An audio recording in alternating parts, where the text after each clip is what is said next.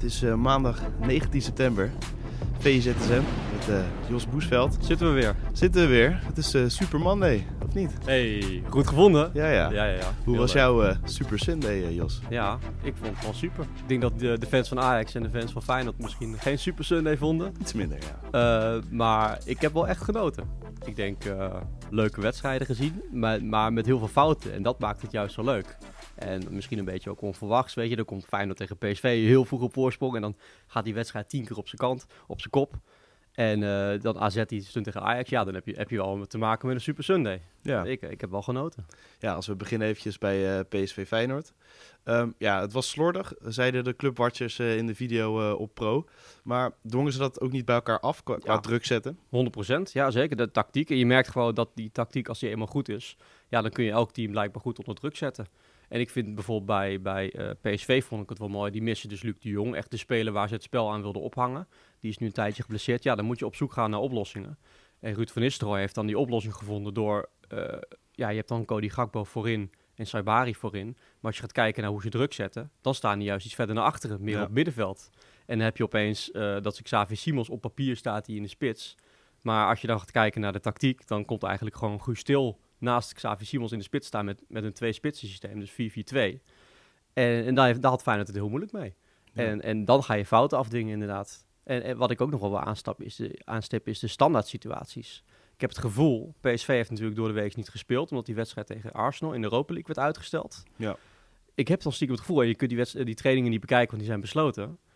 Ik ben, ik, voor mij hebben ze gewoon een, een paar uur extra geoefend op corners. Daar leek het wel op. Ja. echt alles was gevaarlijk, hè? Ja, klopt Ja. inderdaad. En, en je zag gewoon, ja, zeker die eh, die 1-1, dat was echt gewoon Spitse goal van de verdediger. Ja, maar en, en daarna komt bijvoorbeeld Joey Veerman ook weer uit een ingestuurde corner scoren. Ja. Er was nog Justin Bijlo die er een goede redding bracht.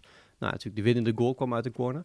Eh, Ik ben, ik ben wel benieuwd of dat inderdaad gebeurd is. Ik heb dat niet gehoord in de nasleep of dat besproken is. Nee, Feyenoord wel wat kleiner natuurlijk. Meer eh, fysiek bij eh, PSV. Ja, ook maar, ja. Maar is Feyenoord verder ook niet tactisch overklast, vind jij? Nee, nee, dat vind ik niet. Nee, dan kun je ook zeggen dat PSV tactisch overklast. Want die, die zijn Ja. ook, ja, dus het, is, het was gewoon een, een tactisch steekspel. eh, waarbij PSV dan misschien de gelukkige winnaar. 3-3 was misschien ook een mooie uitslag geweest voor beide clubs. Al was het middenveld wel een beetje uit balans, toch? Daar bracht Pieter Zwart ook een analyse over op. VI Pro. Zag je dat wel terug in de wedstrijd? Was dat uiteindelijk eh, ja, het grote probleem voor Feyenoord, vond jij? Ja, ik vind dat moeilijk om te zeggen, want eh, die donderdag ervoor winnen ze met 6-0 van Sturm Gras met hetzelfde middenveld. Ja. dan wordt er niet gesproken over de balans. En als het van fout gaat, ja, dan wordt opeens, opeens de balans het probleem. Dus ik weet niet of dat dan het juiste is. Maar het is ook gewoon heel moeilijk, want ik, ik heb zitten denken van hoe moet je het in godsnaam oplossen om onder die druk uit te komen. Want wat je zegt is terecht, eh, de, de fysieke kwaliteiten tussen Feyenoord en PSV zijn anders. Ja. Weet je, maar ook PSV heeft twee kleine spelers voorin lopen. Eh, bij Feyenoord startte Danilo, dat is ook geen kopspecialist. Eh, d- dus wat moet je doen als je onder druk komt te staan? Als je die bal lang gooit, ja, dan heeft PSV balbezit, kunnen ze, en andersom ook. Dus ik, ik, ben ook nog niet echt uit. Wat, wat, je, wat had je moeten doen om dit op te Ja, lossen? ja, Gimenez kwam erin natuurlijk. En toen de lange bal op hem was ook niet heel succesvol. En het werd vooral via de grond nog steeds gezocht, terwijl eh, Gimenez erin stond. Ja. Ja, het is ook gewoon lastig om tijdens een wedstrijd ook, want die, die, dat Philips Stadion, dat kolkte natuurlijk ook flink. Zeker. Dus dan is het ook lastig om je spelers te bereiken. Daar heb je het rustmoment heb je ervoor. Maar Ja. Ik vond het bijvoorbeeld heel opvallend dat Slot eh, in, gewoon op één moment zijn hele aanvallende linie wisselde. Ja, dus om, om- het middenveld leek een beetje overlopen te worden. Ja. En dan wissel je heel je aanval. Dat vond ik toch wel opvallend. Ja. Niet goed gewisseld? Of is het, als er een goal uitkomt, dan heeft hij geniaal gewisseld? Ja, dat, dat- misschien is dat ook een beetje het geval. Hè? Dat, ik denk dat dat ook wel een beetje zo is. Maar ja, je hoopt misschien een schokeffect eh, teweeg te brengen. En je hebt gewoon ja, je hebt drie andere smaken opeens op drie posities. Maar die breedte heeft Feyenoord wel. Dat is wel een luxe, dat je gewoon wel drie echt waardige vervangers hebt. Die misschien zelfs beter maken in de Ja, en dat, heeft, dat had PSV bijvoorbeeld niet. Nee. Nee. Misschien in het verloop van de competitie dat Feyenoord daar meer aan gaat hebben dan in deze wedstrijd zelf. Ja, denk ik wel. En eh, het blijft een proces, zeker met zoveel nieuwe spelers. En hoe langer je met elkaar gaat trainen en spelen, eh, hoe meer succes dat kan gaan opleveren. Ja. Ja. Denk je dat het tussenjaar is voor Feyenoord of kunnen ze echt wel mee gaan doen? Of blijven doen? Ja, nee, ze kunnen, eh, je moet gewoon weer je moet aanhaken. Je hebt, anders dan gooi je alles wat je hebt bereikt in de vorige seizoen, dat gooi je dan nu in één keer weg omdat er heel veel spelers zijn vertrokken. Dat moet je zien op te vangen.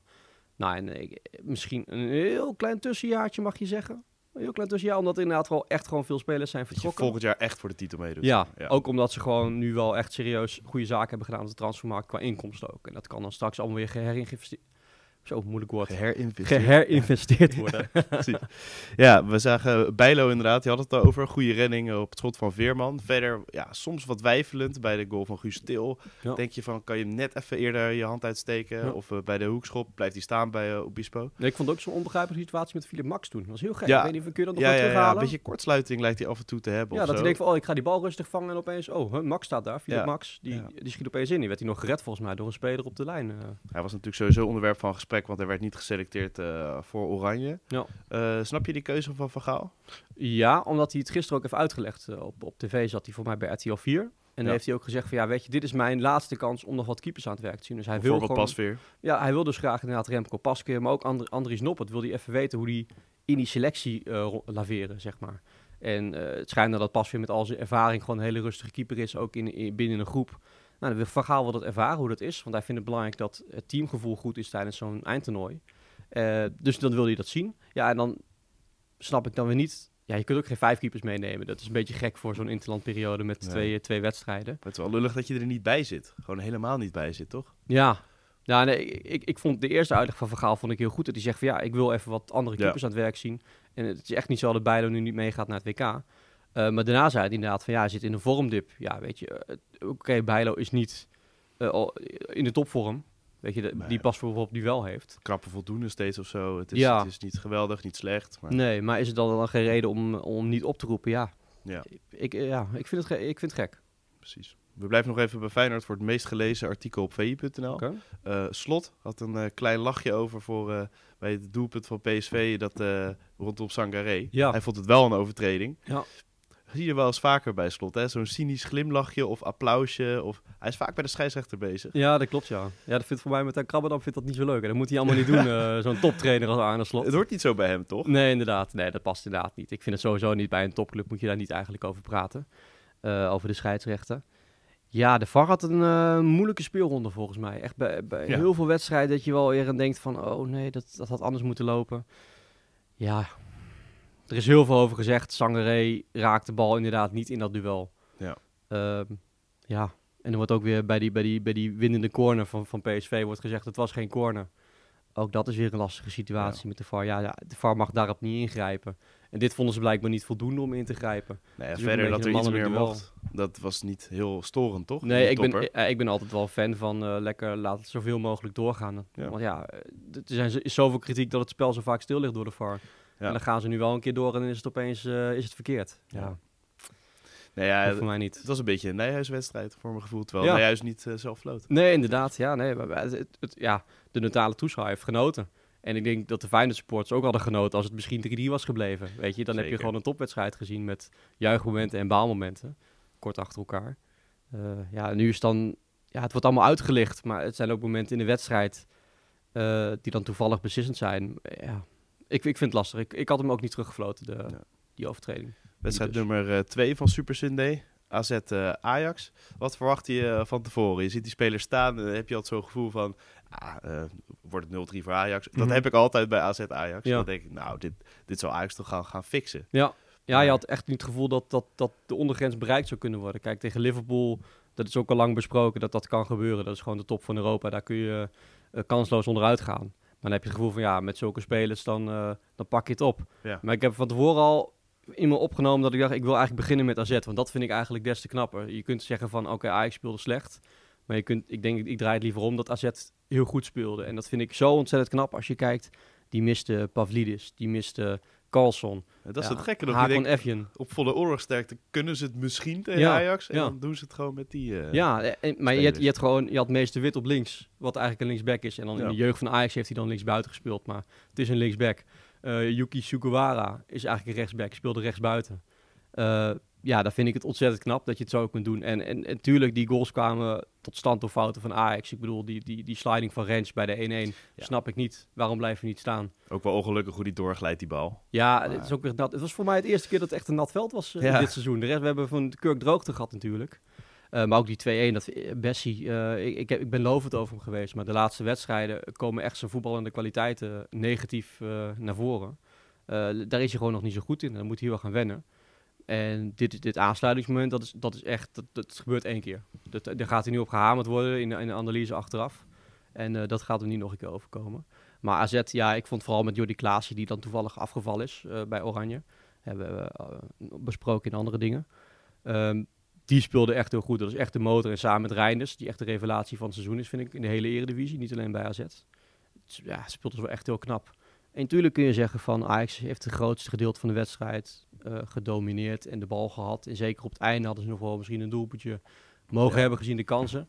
Maar eh, een knal, hele knappe prestatie van AZ. Echt een teamprestatie. Ja, wat kritiek eh, ook zag ik op, op Schreuder, tactisch. Of, heeft, heeft hij nog iets wa- wat hij zichzelf kan verwijten, vind je? Of, of is dit puur instelling ook van, van Ajax geweest? Ja, ik denk ook wel instelling. Kijk, je Ja. komt op 1-0 en dat maakt het makkelijk om, om lekker rustig aan te doen. Hij werd ook een beetje gevierd, die goal van, ah, ja, 1-0, weet Ja. je wel. Het, het was ook niet puur passie of zo. Het, Nee, was, het klopt. was dat anders, Ja. voor mijn gevoel. Nee, maar dat schijnt ook wel met Koeders te zijn. Die wil geen, die wil geen emotie tonen of zo, heb ik begrepen. Ik, heb, ik weet niet precies waarom het niet is. Ik, ik zou blij zijn met een goal in de Eredivisie, maar eh, dat ben ik. Ik heb niet op zo'n hoog niveau gespeeld. Iets We minder zouden hoog. woord doen voor goal in de Eredivisie. Ja joh, met die fans die juichen, dat zou een geweldig gevoel zijn. joh. Dan Ja. krijg je kippenvel. Ja, eh, ik weet het niet. Misschien is het inderdaad voor Ajax zoiets van, oh, we komen op 1-0, dan komt het wel goed. En Ja. nu komt het een keer niet goed. Ja, en dan krijg je een keer serieus tegengas in de Eredivisie. En dan gaat het meteen mis. Wel echt lekker, toch? Als je naar de top 4 kijkt, binnen twee punten van elkaar. eh, d- Ja, dat is echt alles wat je wilt, toch? Ja, de hele Eredivisie is op de kop gegaan nu. PSV gaat als koploper de interlandperiode in. Nou, Ajax kort achter op doelsaldo. En dan AZ volgens mij drie en Feyenoord vier. Ja, dat, ja, heerlijk. Smikkelen. Ja, eigenlijk jammer, toch? Die interlandperiode. Tenminste, ik vind het altijd jammer, maar... Ja, ja David Klaas vond het ook jammer. Nee, David Klaas vond het ook jammer. Hij zegt, ja, het is eigenlijk wel lekker om nu naar Oranje te gaan, want dan laat je die malaise bij Ajax een beetje achter. Maar eigenlijk wil ik ook zo snel mogelijk gaan winnen met Ajax. Ja. Want eh, dat gevoel dat wat we nu hebben, is, daar schaam ik me voor, zei hij zelfs. Dus dat vond ik wel opvallende, opvallende quote. Eh ja, interlandperiode. ik had liever een Eredivisie gehad, zeker. Ja. Precies. Dan Premier League, iets wat je ook eh, om, om het hart gaat. Arsenal. Ja, wat deed jij op eh, je 15 jaren? Toen Ja. je 15 was, sorry. ja. Ik voetbalde ook. Niet, ik, nee, ja, ik, ik, ik, ik voetbalde toen ook. In de, in de Premier League voetbalde ik. Toen viel ik in tegen, tegen Brentford. Brentford, eh, bij het 0-3 eh, stand. Ja. Nee, ja, de- oh, wat een mooie. Ja, jij mag de naam uitspreken. Jij hebt hem opgeschreven. En Waneri. En wanneer en wanneer, hij- 15. en wanneer hij debuteert. ja, sorry. Ik maakte net ook op de Zondag. redactie. Ik kreeg goede reacties. Ik denk, ik maak Gehoord op de redactie. maar eh, Arteta zei, het was een onderbuikgevoel van mij. Ik dacht, ik ga het gewoon doen. En dan Ja. denk ik van, hè? Dit is Premier League, Ja. Arsenal. Kan dat nog? Maar Ja. dat, dan moet hij ook wel heel goed zijn, toch? Ja, ja hij, hij kon het niet echt laten zien, want hij viel echt in de extra Nee. tijd in. En een paar minuten later was het afgelopen. Dus dat is jammer. Maar het blijft de Premier League. Het blijft de Premier Ja. League. Maar goed, de stand was er ook wel een beetje naar. je speelt er tegen. Brentford. Arsenal komt op 0-3. Goede wedstrijd speelden ze trouwens.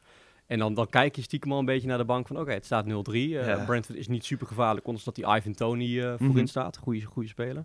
Die gaat misschien debuteren voor Engeland.